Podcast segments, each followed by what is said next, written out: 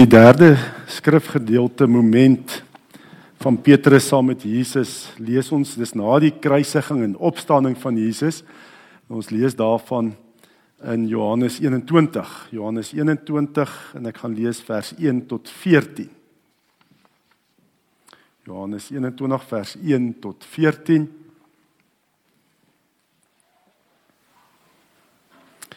Daarna het Jesus weer aan sy disippels verskyn by die see van Tiberias. Dit het so gebeur. Simon Petrus en Thomas wat ook Didimus genoem is, Nathanael van Kana in Galilea, die seuns van Zebedeus en nog twee ander disippels was daar saam. Simon Petrus sê toe vir hulle: "Ek gaan visvang." "Ons gaan ook saam, saam met jou," sê hulle vir hom.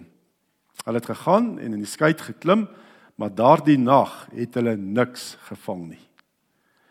Toe dit al lig was, het Jesus daar op die strand gestaan, maar die disippels het nie geweet dat dit hy is nie. Jesus vra toe vir hulle: "Mense, het julle nie iets gevang om te eet nie?" "Nee," antwoord hulle hom. Hy sê toe vir hulle: "Gooi die net aan die regterkant van die skei uit, dan sal julle iets kry." Hulle het net toe daar uitgegooi en vanweë die groot klomp vis kon hulle nie kon hulle hom nie weer intrek nie. En die disipel vir wie Jesus baie lief was, sê toe vir Petrus, dit is die Here. Toe Simon Petrus hoor dat dit die Here is, het hy sy hemp aangetrek want sy boelhy was skaal en in die water gespring. Hulle was nie ver van die land af nie, net omtrent 100 tree. Die ander disippels het met die skytjie gekom en die net met die visse gesleep. Toe hulle aan land kom, sien hulle vuur brand en 'n stuk vis daarop lê. Daar was brood ook. En Jesus sê toe vir hulle: "Bring van die vis wat julle nou net gevang het." Simon Petrus het toe in die skei geklim en die net op die land getrek. Dit was vol groot visse, 153, en alhoewel daar so baie was, het die net nie geskeur nie. Toe sê Jesus vir hulle: "Kom eet." En die een van die disippels het so ver gekom om hom te vra: "Wie is u nie?"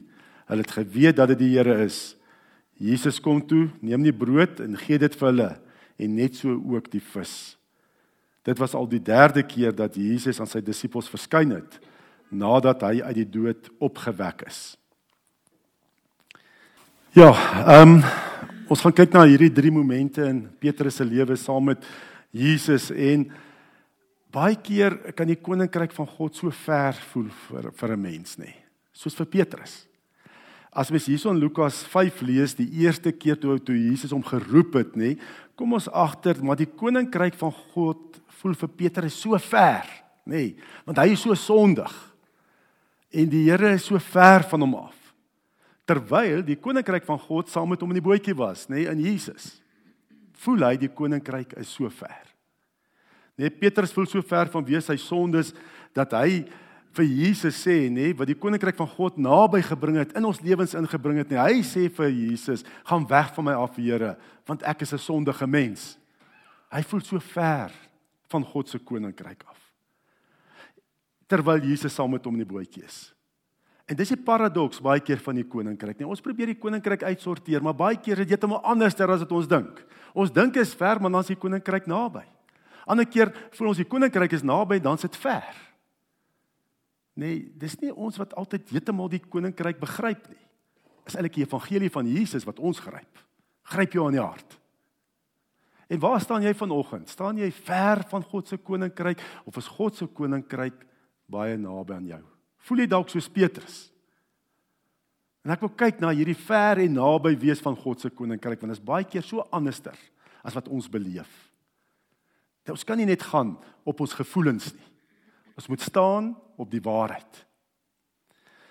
En uh as ons nou wil kyk na hierdie naby en ver wees van die koninkryk, net dan moet ons kyk eers wat is die koninkryk van God? Wat bedoel ons met die koninkryk van God wat in Jesus naby gekom het? Die koninkryk van God is die plek waar God sy heerskappy heers, waar mense na hom luister en doen wat die Here sê. Net daar waar God se wil geskied daar het God se koninkryk gekom, net daar waar God gehoorsaam word. En uh, wanneer iemand vergifnis van sondes ontvang, nê, dan God se koninkryk deurgebreek in daai persoon se lewe. Dis die koninkryk van God waar sy wil geskied. Nou as ons kyk in hierdie eerste moment van Petrus saam met Jesus nê, dan sien ons Jesus Petrus het nie die eerste keer daar in sy visserskytjie uh, te doen gekry met Jesus nie. Al reeds in die vorige hoofstuk, hoofstuk 4, lees ons dat Jesus na Petrus se huis toe gekom het en hy het sy skoonma gesond gemaak um, in sy huis. En toe bring hulle baie ander siek mense en Jesus genees hulle en het duiwels uitgedryf. Dat daar staan in Lukas 4 vers 41 en Petrus was daar, nê, nee, hy het dit gesien. Hy sê ook duiwels het uit baie uitgegaan terwyl hulle skreeu, U is die seun van God. So Petrus het die dinge gesien, die genesing, die bevryding wat plaasvind, al die dinge. Maar weet wat, dit was op hierdie stadium nog ver vir Petrus. Dit was iets buite sy leefwêreld. Nee, iets op mediese front. Hy is nie 'n medikus nie, nê. Nee. Dis iets van wat in die tempel hoort waar mense bevry word. Dis buite sy leefwêreld. En nou kom Jesus lees ons nou in hoofstuk 5 Lukas 5 kom hy in uh en Jesus kom in sy leefwêreld in. Hy gebruik eers sy sy skytjie, sy visserskytjie as 'n preekstoel en nadat hy sy preekstoel ehm um, gebruik het en klaar die mense geleer het, sê hy vir Petrus, kom ons gaan vang vis. En hoe reageer Petrus? Hy noem Jesus hierso nog meneer, meneer, nê? Nee? Hy sien Jesus op hierdie stadium nog net as 'n meneer, 'n leermeester, ou wat preek, ou wat daar in die kerk moet preek, maar hier gewone dinge van die dag waar jy vis vang en waar jy moet met jou hande werk, daar tel hy nie eintlik wat hy sê nie. Hy is eintlik ou wat daar in die tempel hoort. Noem hom nog meneer. Né? Nee? En nou sê Jesus vir hom, kom ons gaan vang vis. Nou kom Jesus in sy leefwêreld in waar hy die professional is. Visvang. As jy iets van visvang wil weet, vra vir Petrus. Hy weet van visvang. Dis 'n passie vir hom. Hy hou daarvan om vis te vang. As jy weet wat om te doen, gaan vang hy vis. En nou kom Jesus in sy lewe wêreld in. En hy proteseer eintlik eers, nee, hy sê ja, leermeester, nê, nee, jy wat so preek. Ehm um, ons het die hele nag deur gesoek sonder mense te vang. Maar oké, okay, ek het nou gesien wat in my huis gebeur het. My skoonma is nou weer gesond. Ek weet nie of hy bly was daaroor nie. Maar maar uh ehm um, ek het nou gesien en en uh, demone wat uitgedryf is, alright, ek sal gaan. Ek sal dit nou doen. En uh, hy sê eintlik wat hy eintlik deur hierdie woorde sê vir Jesus, man, bly preek. Los net my visvang vir my en die ander vissermanne saam met my. Ons weet, jy vang nie hier, vang jy nie in hierdie ehm um, Genesaret meer, nee, vang jy nie deur die dag vis nie, jy vang in die nag vis. En lyk my die weer is nie reg nie want die visse was nie daar nie. Ons het niks gevang nie. Bly eintlik maar eerder preek. Maar hy gaan, okay? Ek het gesien. Kom ons gaan en hy gaan doen. En nou gebeur 'n wonder, nê, nee, in Petrus se leefwêreld waar hy die professional was. Gebeur hierdie wonder visvangs dat die skytjies amper sink. Skielik besef hy, "O oh, nee, ons het hier nie te doen net met 'n leermeester nie, ou wat net baie praat nie. Ons het hier te doen met God. En hy noem Jesus nou gaan weg van my af, Here, want ek's 'n sondige mens. En hierdie Here Kurios nê in die Grieks nê staan vir iemand wat in wat al die mag op al die fasette van die lewe het. God almagtig wat al die mag het nê wat heers oor elke ding in hierdie wêreld. En hy besef net Jesus is Here. En God almagtig is hier saam met hom in die skytjie. God wat alles weet, Jesus weet alles, ken sy lewe. Weet wie hy is, ken sy gedagtes en hy sê dis net te veel. Hy kan nie Jesus se deurdringende oë eintlik meer verder vat nie en sê Here gaan weg want ek is 'n sondige mens. Ek kan eintlik nie in teenwoordigheid wees nie. Nee, ons vissermanne, Here is robbe ouens. Ons vloek baie keer soos matrose. U hoort nie hier nie. Ek kan nie hier voor u wees nie. U hoort eintlik in die tempel. Gaan weg, Here. Ek's 'n sondige mens en u weet alles. En ook in die ons moet ook weet dat die die vissermanne was eintlik in die Joodse geestelike leiers se oë nie baie mense van aansien nie. Hulle het nie baie eintlik van vissermanne gedink nie. So visserman het nie hoë posisies in die kerk gehad van daai tyd by die tempel. Het nie hoë posisies gehad nie. Want in Handelinge lees ons nadat Pinkster plase vind dit in nou ehm um, en uh, Petrus en Johannes preek hier vir die Joodse raad nê. Nee. Dan staan daar dat die Joodse raad reageer en hulle sê die Joodse raad was verbaas toe hulle Petrus en Johannes se vrymoedigheid sien want die raad het geweet dis maar ongeleerde en eenvoudige ou mense nê? Nee? so hulle het nie aansien gehad nie. Here u hoort nie eintlik in my visserskipie nie. Skykie nie u hoort nie tempel. Ek is 'n ongeleerde. Ek's 'n sondige eenvoudige mens. Maar die wonderlike is reeds Daar waar jy jou geestelike armoede besef vanweë jou sonde. Daar waar jy besef hoe ek die Here eintlik nodig het want ek is verlore in myself. Ek is geestelik armsalig. Nee, ek ek is verlore. Dit is die eerste tree na God se koninkryk. Wat God se koninkryk inbring in jou lewe, in jou lewensbootjie. Dit is die gesindheid wat sê Here ek nie ek nie. Ek is verlore. Ek is armsalig van gees. Want Jesus preek ook met sy bergpredikasie Matteus 5 sê hy salig is die wat arm van gees is want aan hulle behoort die koninkryk van die hemele.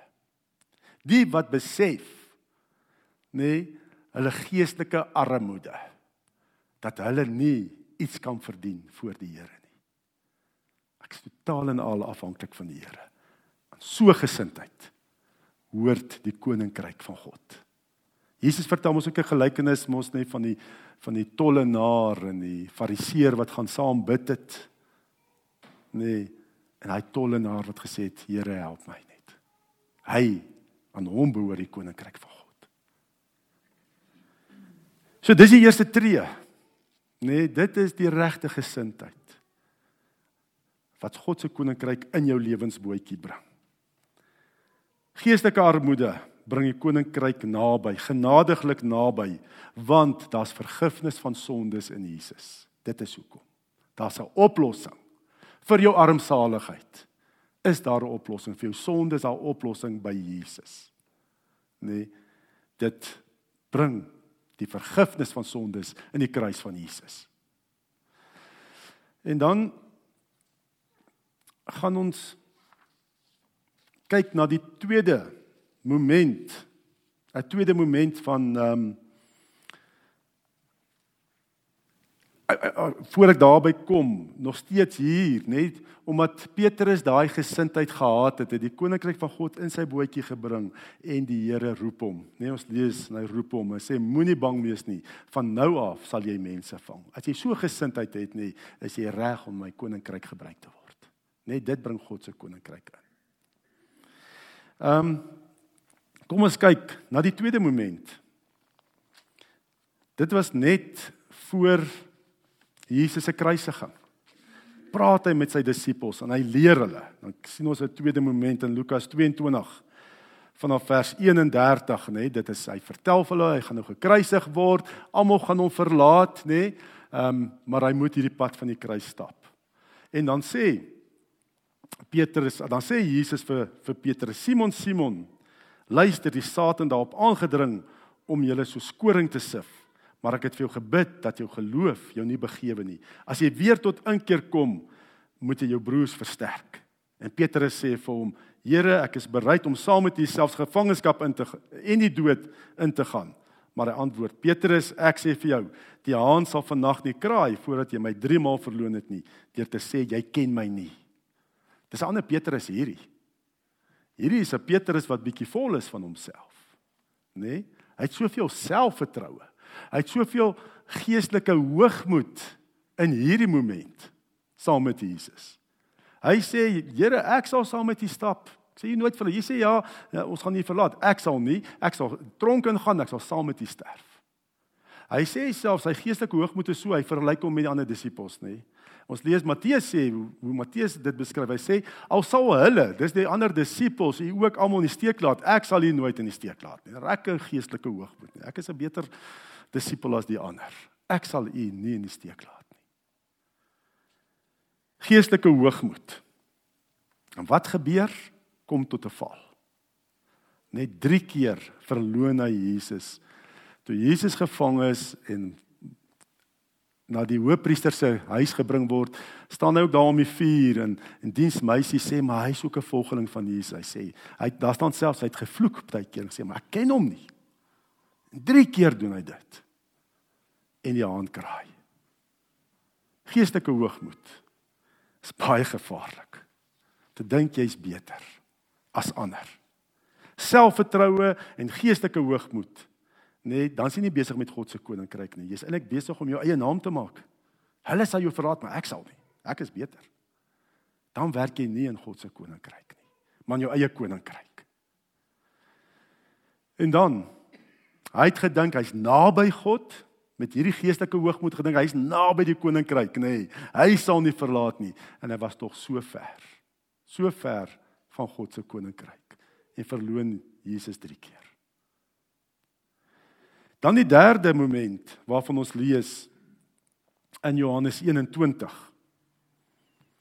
Johannes 21 Jesus het gesterf aan die kruis, hy het opgestaan uit die dood en hy verskyn, nê, nee, aan sy disippels en dis die derde keer wat hy nou weer aan sy disippels verskyn.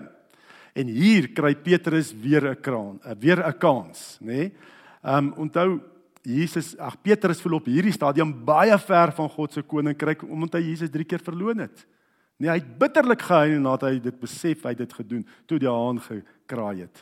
Nee, hy voel ver van die koninkryk en daarom val hy weer terug na sy ou beroep toe, nê, nee, om te gaan visvang. Want hy ek dink hy het gevoel hy's nie meer waardig om in die koninkryk van die Here te werk nie. En hy sê vir die ouens, kom ons gaan vang vis en die ander sê, "Oké, okay, gaan saam." Net dis 'n dis 'n Petrus wat ver voel van God se koninkryk.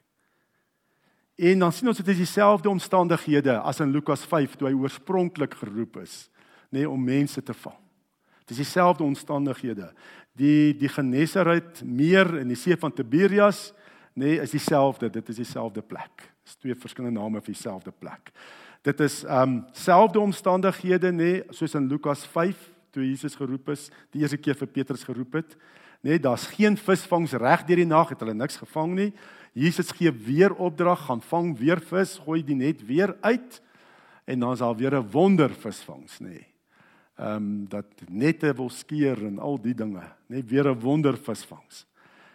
En weer is dit Petrus wat onder die indruk is van sy sonde verlorenheid. Die die ehm um, sy geestelike armoede, weer dieselfde. En dit is so erg, maar die keer reageer hy anders. Wat doen Petrus?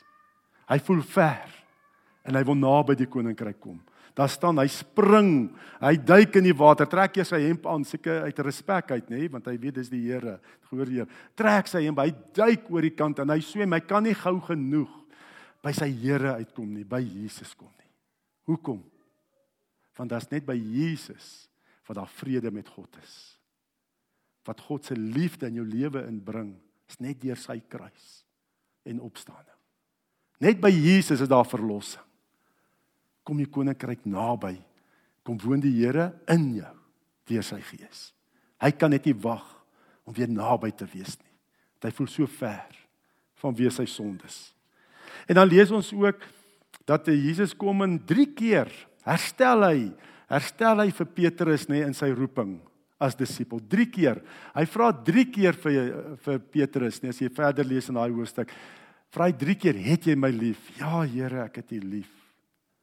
Tweede keer, "Het jy my werklik lief?" "Ja, Here, U weet ek het U werklik lief." "Het jy my lief?"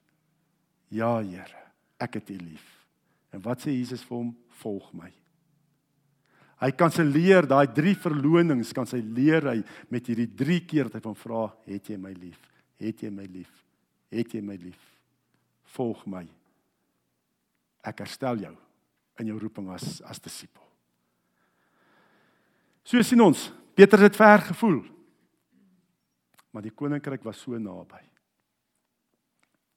Omdat hy sy armoede besef het, sy geestelike armoede besef het. En dit gaan nie oor hom nie, dit gaan oor Jesus. Kan nie gou genoeg nie, want dit gaan net oor U. Dis wat ons gesing het ook. Kom ons terug na die hart van aanbidding nê. Dis nie ons nie. Dit gaan nie oor ons nie. En Here, ek sal U nie verlaat nie. Ek is beter. Dit gaan nie oor ons nie, dis net Jesus. Dis net Jesus. Jesus moet die middelpunt wees. En dis die paradoks van die koninkryk, net voel baie keer ver, maar ons is naby. Nou sien dit sommer van die begin af. Adam en Eva val in sonde en hulle voel so ver van die Here af. Hulle gaan kruip weg in vrees en skaamte, kruip hulle weg vir die Here nê. Maar wat staan daar? Die Here sê, Adam, waar is jy? Koninkryk kom naby. Waar is jy? En so kan ons aangaan. Die Joodse die Joodse godsdienstige leiers het weer so naby die koninkryk gevoel nê. Hulle bedien God se koninkryk. Die Joodse godsdienstige leiers, maar hulle was so ver. So ver want uit hoogmoed verwerp hulle Jesus as Messias en hulle is buite die koninkryk van God. En dan Judas Iskariot Jesus nooi hom om naby die koninkryk te wees. Hy sê: "Wees my vriend, wees 'n disipel van my. Ek vertrou jou so, ek gee vir jou die geld, die beursie van ons groep." Hy's so naby. Maar van wie sy geldgierigheid is hy so ver van die koninkryk van God. Want hy verraai Jesus met 'n soen vir 30 silwermuntstukke. Daai afgod Mammon vat hom so ver weg. Die vrou wat met oorspel betrap is, nê, nee, het so ver gevoel van wie haar sondes, nê, nee, maar sy was so naby want Jesus tree in in liefde en waarheid tree hy in. En hy sê vir die ander julle wat dink julle is so naby die koninkryk van God die een wat nie sonde het nie gooi die eerste klip op haar kop. En almal stap weg. So ver so naby dink hulle maar so ver. Dit was eintlik meer 'n preek vir hulle. Vir die wat gedink hulle so naby. Ja, En dan, soos dink aan die wat die oorwinnaars naweek gedoen het, het die Here vir ons geleer. Vrydag aand, God die Vader voel vir baie van ons so ver van wie valse konsepte wat ons het van hom. Maar hy so naby. Psalm 139 nog voor 'n gedagte by my opkom, weet jy al wat dit gaan wees. As ek net daai waarheid vat en glo wie God sê hy as Vader is dan is hy so naby. Hy's by my. Sal my nooit verlaat of in die steek laat nie. En as mense, nê, nee, wat uh, wat half hierdie oosterse godsdienste be, beoefen, die new age en so, hulle voel so naby God. Maar hulle is so ver. Want daar's net een weg, waarheid en lewe. Daar's net een pad om by God uit te kom. En dit is Jesus Christus. En so kan ons elke stap vat waardeur ons gegaan het.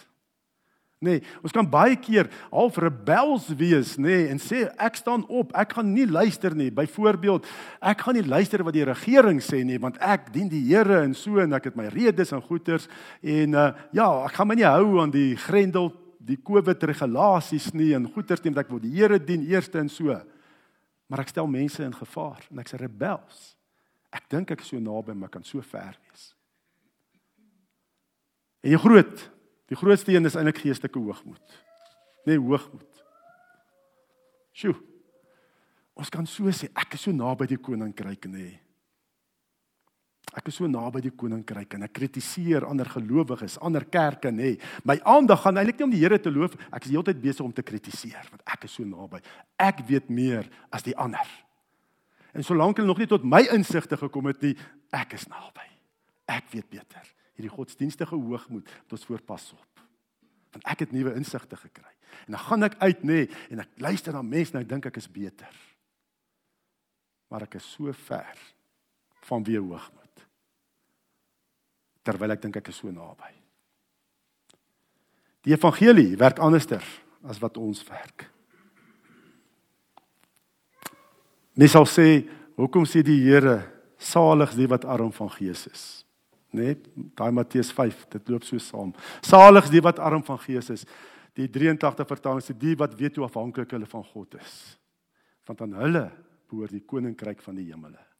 Daar's niks waarop enigiemand van ons kan roem nie. Behalwe een. Ons roem net in Jesus. Dis die enigste rede wat ons het in ons lewens om te roem. En dit is in Jesus. Kom ons kom terug tot die hart van aanbidding. Dis not dis nie oor ons nie. Dis alles net oor Jesus. Net oor wat hy vir jou en my gedoen het. En dis nie net in Sondag nie, dis ook deur die week waar jy visvang en waar jy jou beroep beoefen. Dis not dis nie oor ons nie. Dis net Jesus. Ons vat Jesus die week in. Ons is sy hande en voete. Leef. Sê soos Paulus, ek leef nie meer nie, maar Jesus leef in my. Daar's niks waarop ek my kan roem nie. Hy moet groter word, ek moet niks word. Dit gaan oor Jesus. Kom ons leef met daai gesindheid. Dis wat die Here van ons vra. Amen. En ehm um, ek voel spesifiek dat ek ook wil bid vir die vir bediening in Pretoria. Ehm um, ek weet nie of jy 'n spesifieke naam het nie. The Masters Way, The Masters Way. Ja, ek weet julle gaan deur 'n moeilike tyd, nê, nee, om 'n fasiliteit te kry en ook baie veranderings wat daar kom en so. En ek wil spesifiek bid dat julle dan Jesus nê nee, net so sal verkondig en dat Jesus net vir julle die pad wys ook. So ek gaan nou spesifiek vir julle bid. En ehm um, ek wil ook net spesifiek vir Ilse Marie ook bid. Ehm um, sy is voorlopig uh, gediagnoseer deur die spesialis met lupus, uh, dis outoimmuun siekte en sy moet nou weer gaan vir bloedtoets hierna. Net bid ook dat die Here jou totaal genees. Ons het al vir haar die hande opgelê die ouderlinge vir haar die hande opgelê met olie gesalf. Ons weet die genesing het plaasgevind. Ehm um, maar ek wil ook bid vir hierdie bloedtoets. Ehm um, dat die Here sal seën en dan ook ek gaan sommer dan ook om vir ons finansies bid, nê? Nee, dis nodig. Die kollekte wat opgeneem gaan word daar agter, die twee houers, die een houer is vir is vir die ehm um, erediens, die evangelie uit te dra en dan ook vir die diakens wat die armoede verlig in ons omgewing. Ehm um, kom ons kom ons bid saam. Here Jesus, dit gaan net oor U in ons lewens om U naam groot te maak. En dan wil ek Here ook spesifiek bid, Here, vir die hierdie bediening in Pretoria, the Master's Way, u manier. Here dat u vir hulle sal lei verder, dat u 'n fasiliteit sal voorsien, dat u ook die finansies sal voorsien wat nodig is, Here, om Jesus te bring vir 'n verlore gaande wêreld. Here dat u vir hulle ryklik sal seën. Ek bid vir daai gesinne wat so betrokke is daar. Here dat U sal vir hulle sal lei en die pad sal wys en dat hulle van krag tot krag sal gaan in Jesus se naam om sy naam te verheerlik. Dankie ook Here vir hierdie uh, netwerk wat ontstaan het ook tussen Bergbron en die oorwinnaarsbediening met the Masters Way. Dat ons so kan hande vat en dat ons kan saamwerk in u koninkryk, Here. Dat ons saam kan bid en vra Here, laat u koninkryk kom in mense, in en deur ons, laat u koninkryk kom en dat u koninkryk kom in 'n verlore gaande wêreld, mense wat u nog nie ken nie. Here, gebruik ons seën ook hierdie netwerk dat dit sterker sal word en dat u naam verheerlik word. En Here, dankie ook dat u 'n persoonlike God is dat U in ons lewensboontjies inkom. U ken ons op U naam. Soos U kom in ons Here en U verlaat ons ook nie as ons hier weggaan nie. U gaan saam met ons Here as ons die wêreld ingaan. En Here dat dat soos Dawid sê nog voor 'n gedagte by my opkom, weet U al wat dit gaan wees. So is U betrokke in ons lewens, want U is volmaakte liefde, U is ons hemelse Vader. En daarom ook Here, wil ek net bid ook dat U ook Here vir Ilse Marie sal seën ook as sy nou gaan ook vir haar bloedtoets. En Here dat dit weg sal wees. Ons kom ook in Jesus se naam en ons sê enige outoimmuun siekte of lupus of wat dit ook al jy het nie 'n plek of 'n reg in Ilse Marie se lewe nie. Ilse Marie se liggaam genees nou in Jesus se naam. Dankie Here. Dankie dat u ook u autoriteit aan ons deel om u hande en voete te wees hierdie in hierdie sondegevalle wêreld. Dat u koninkryk kan kom en u naam verheerlik word. Ons bid ook dan ook Here vir die kollekte wat opgeneem word dat U ook dit sal seën en dat dit vrug sal dra, reg aangewend sal word. Dat U koninkryk ook bedien sal word hierdeur aan die wêreld, aan ons omgewing. Ons vra dit alles in Jesus se kosbare naam. Amen.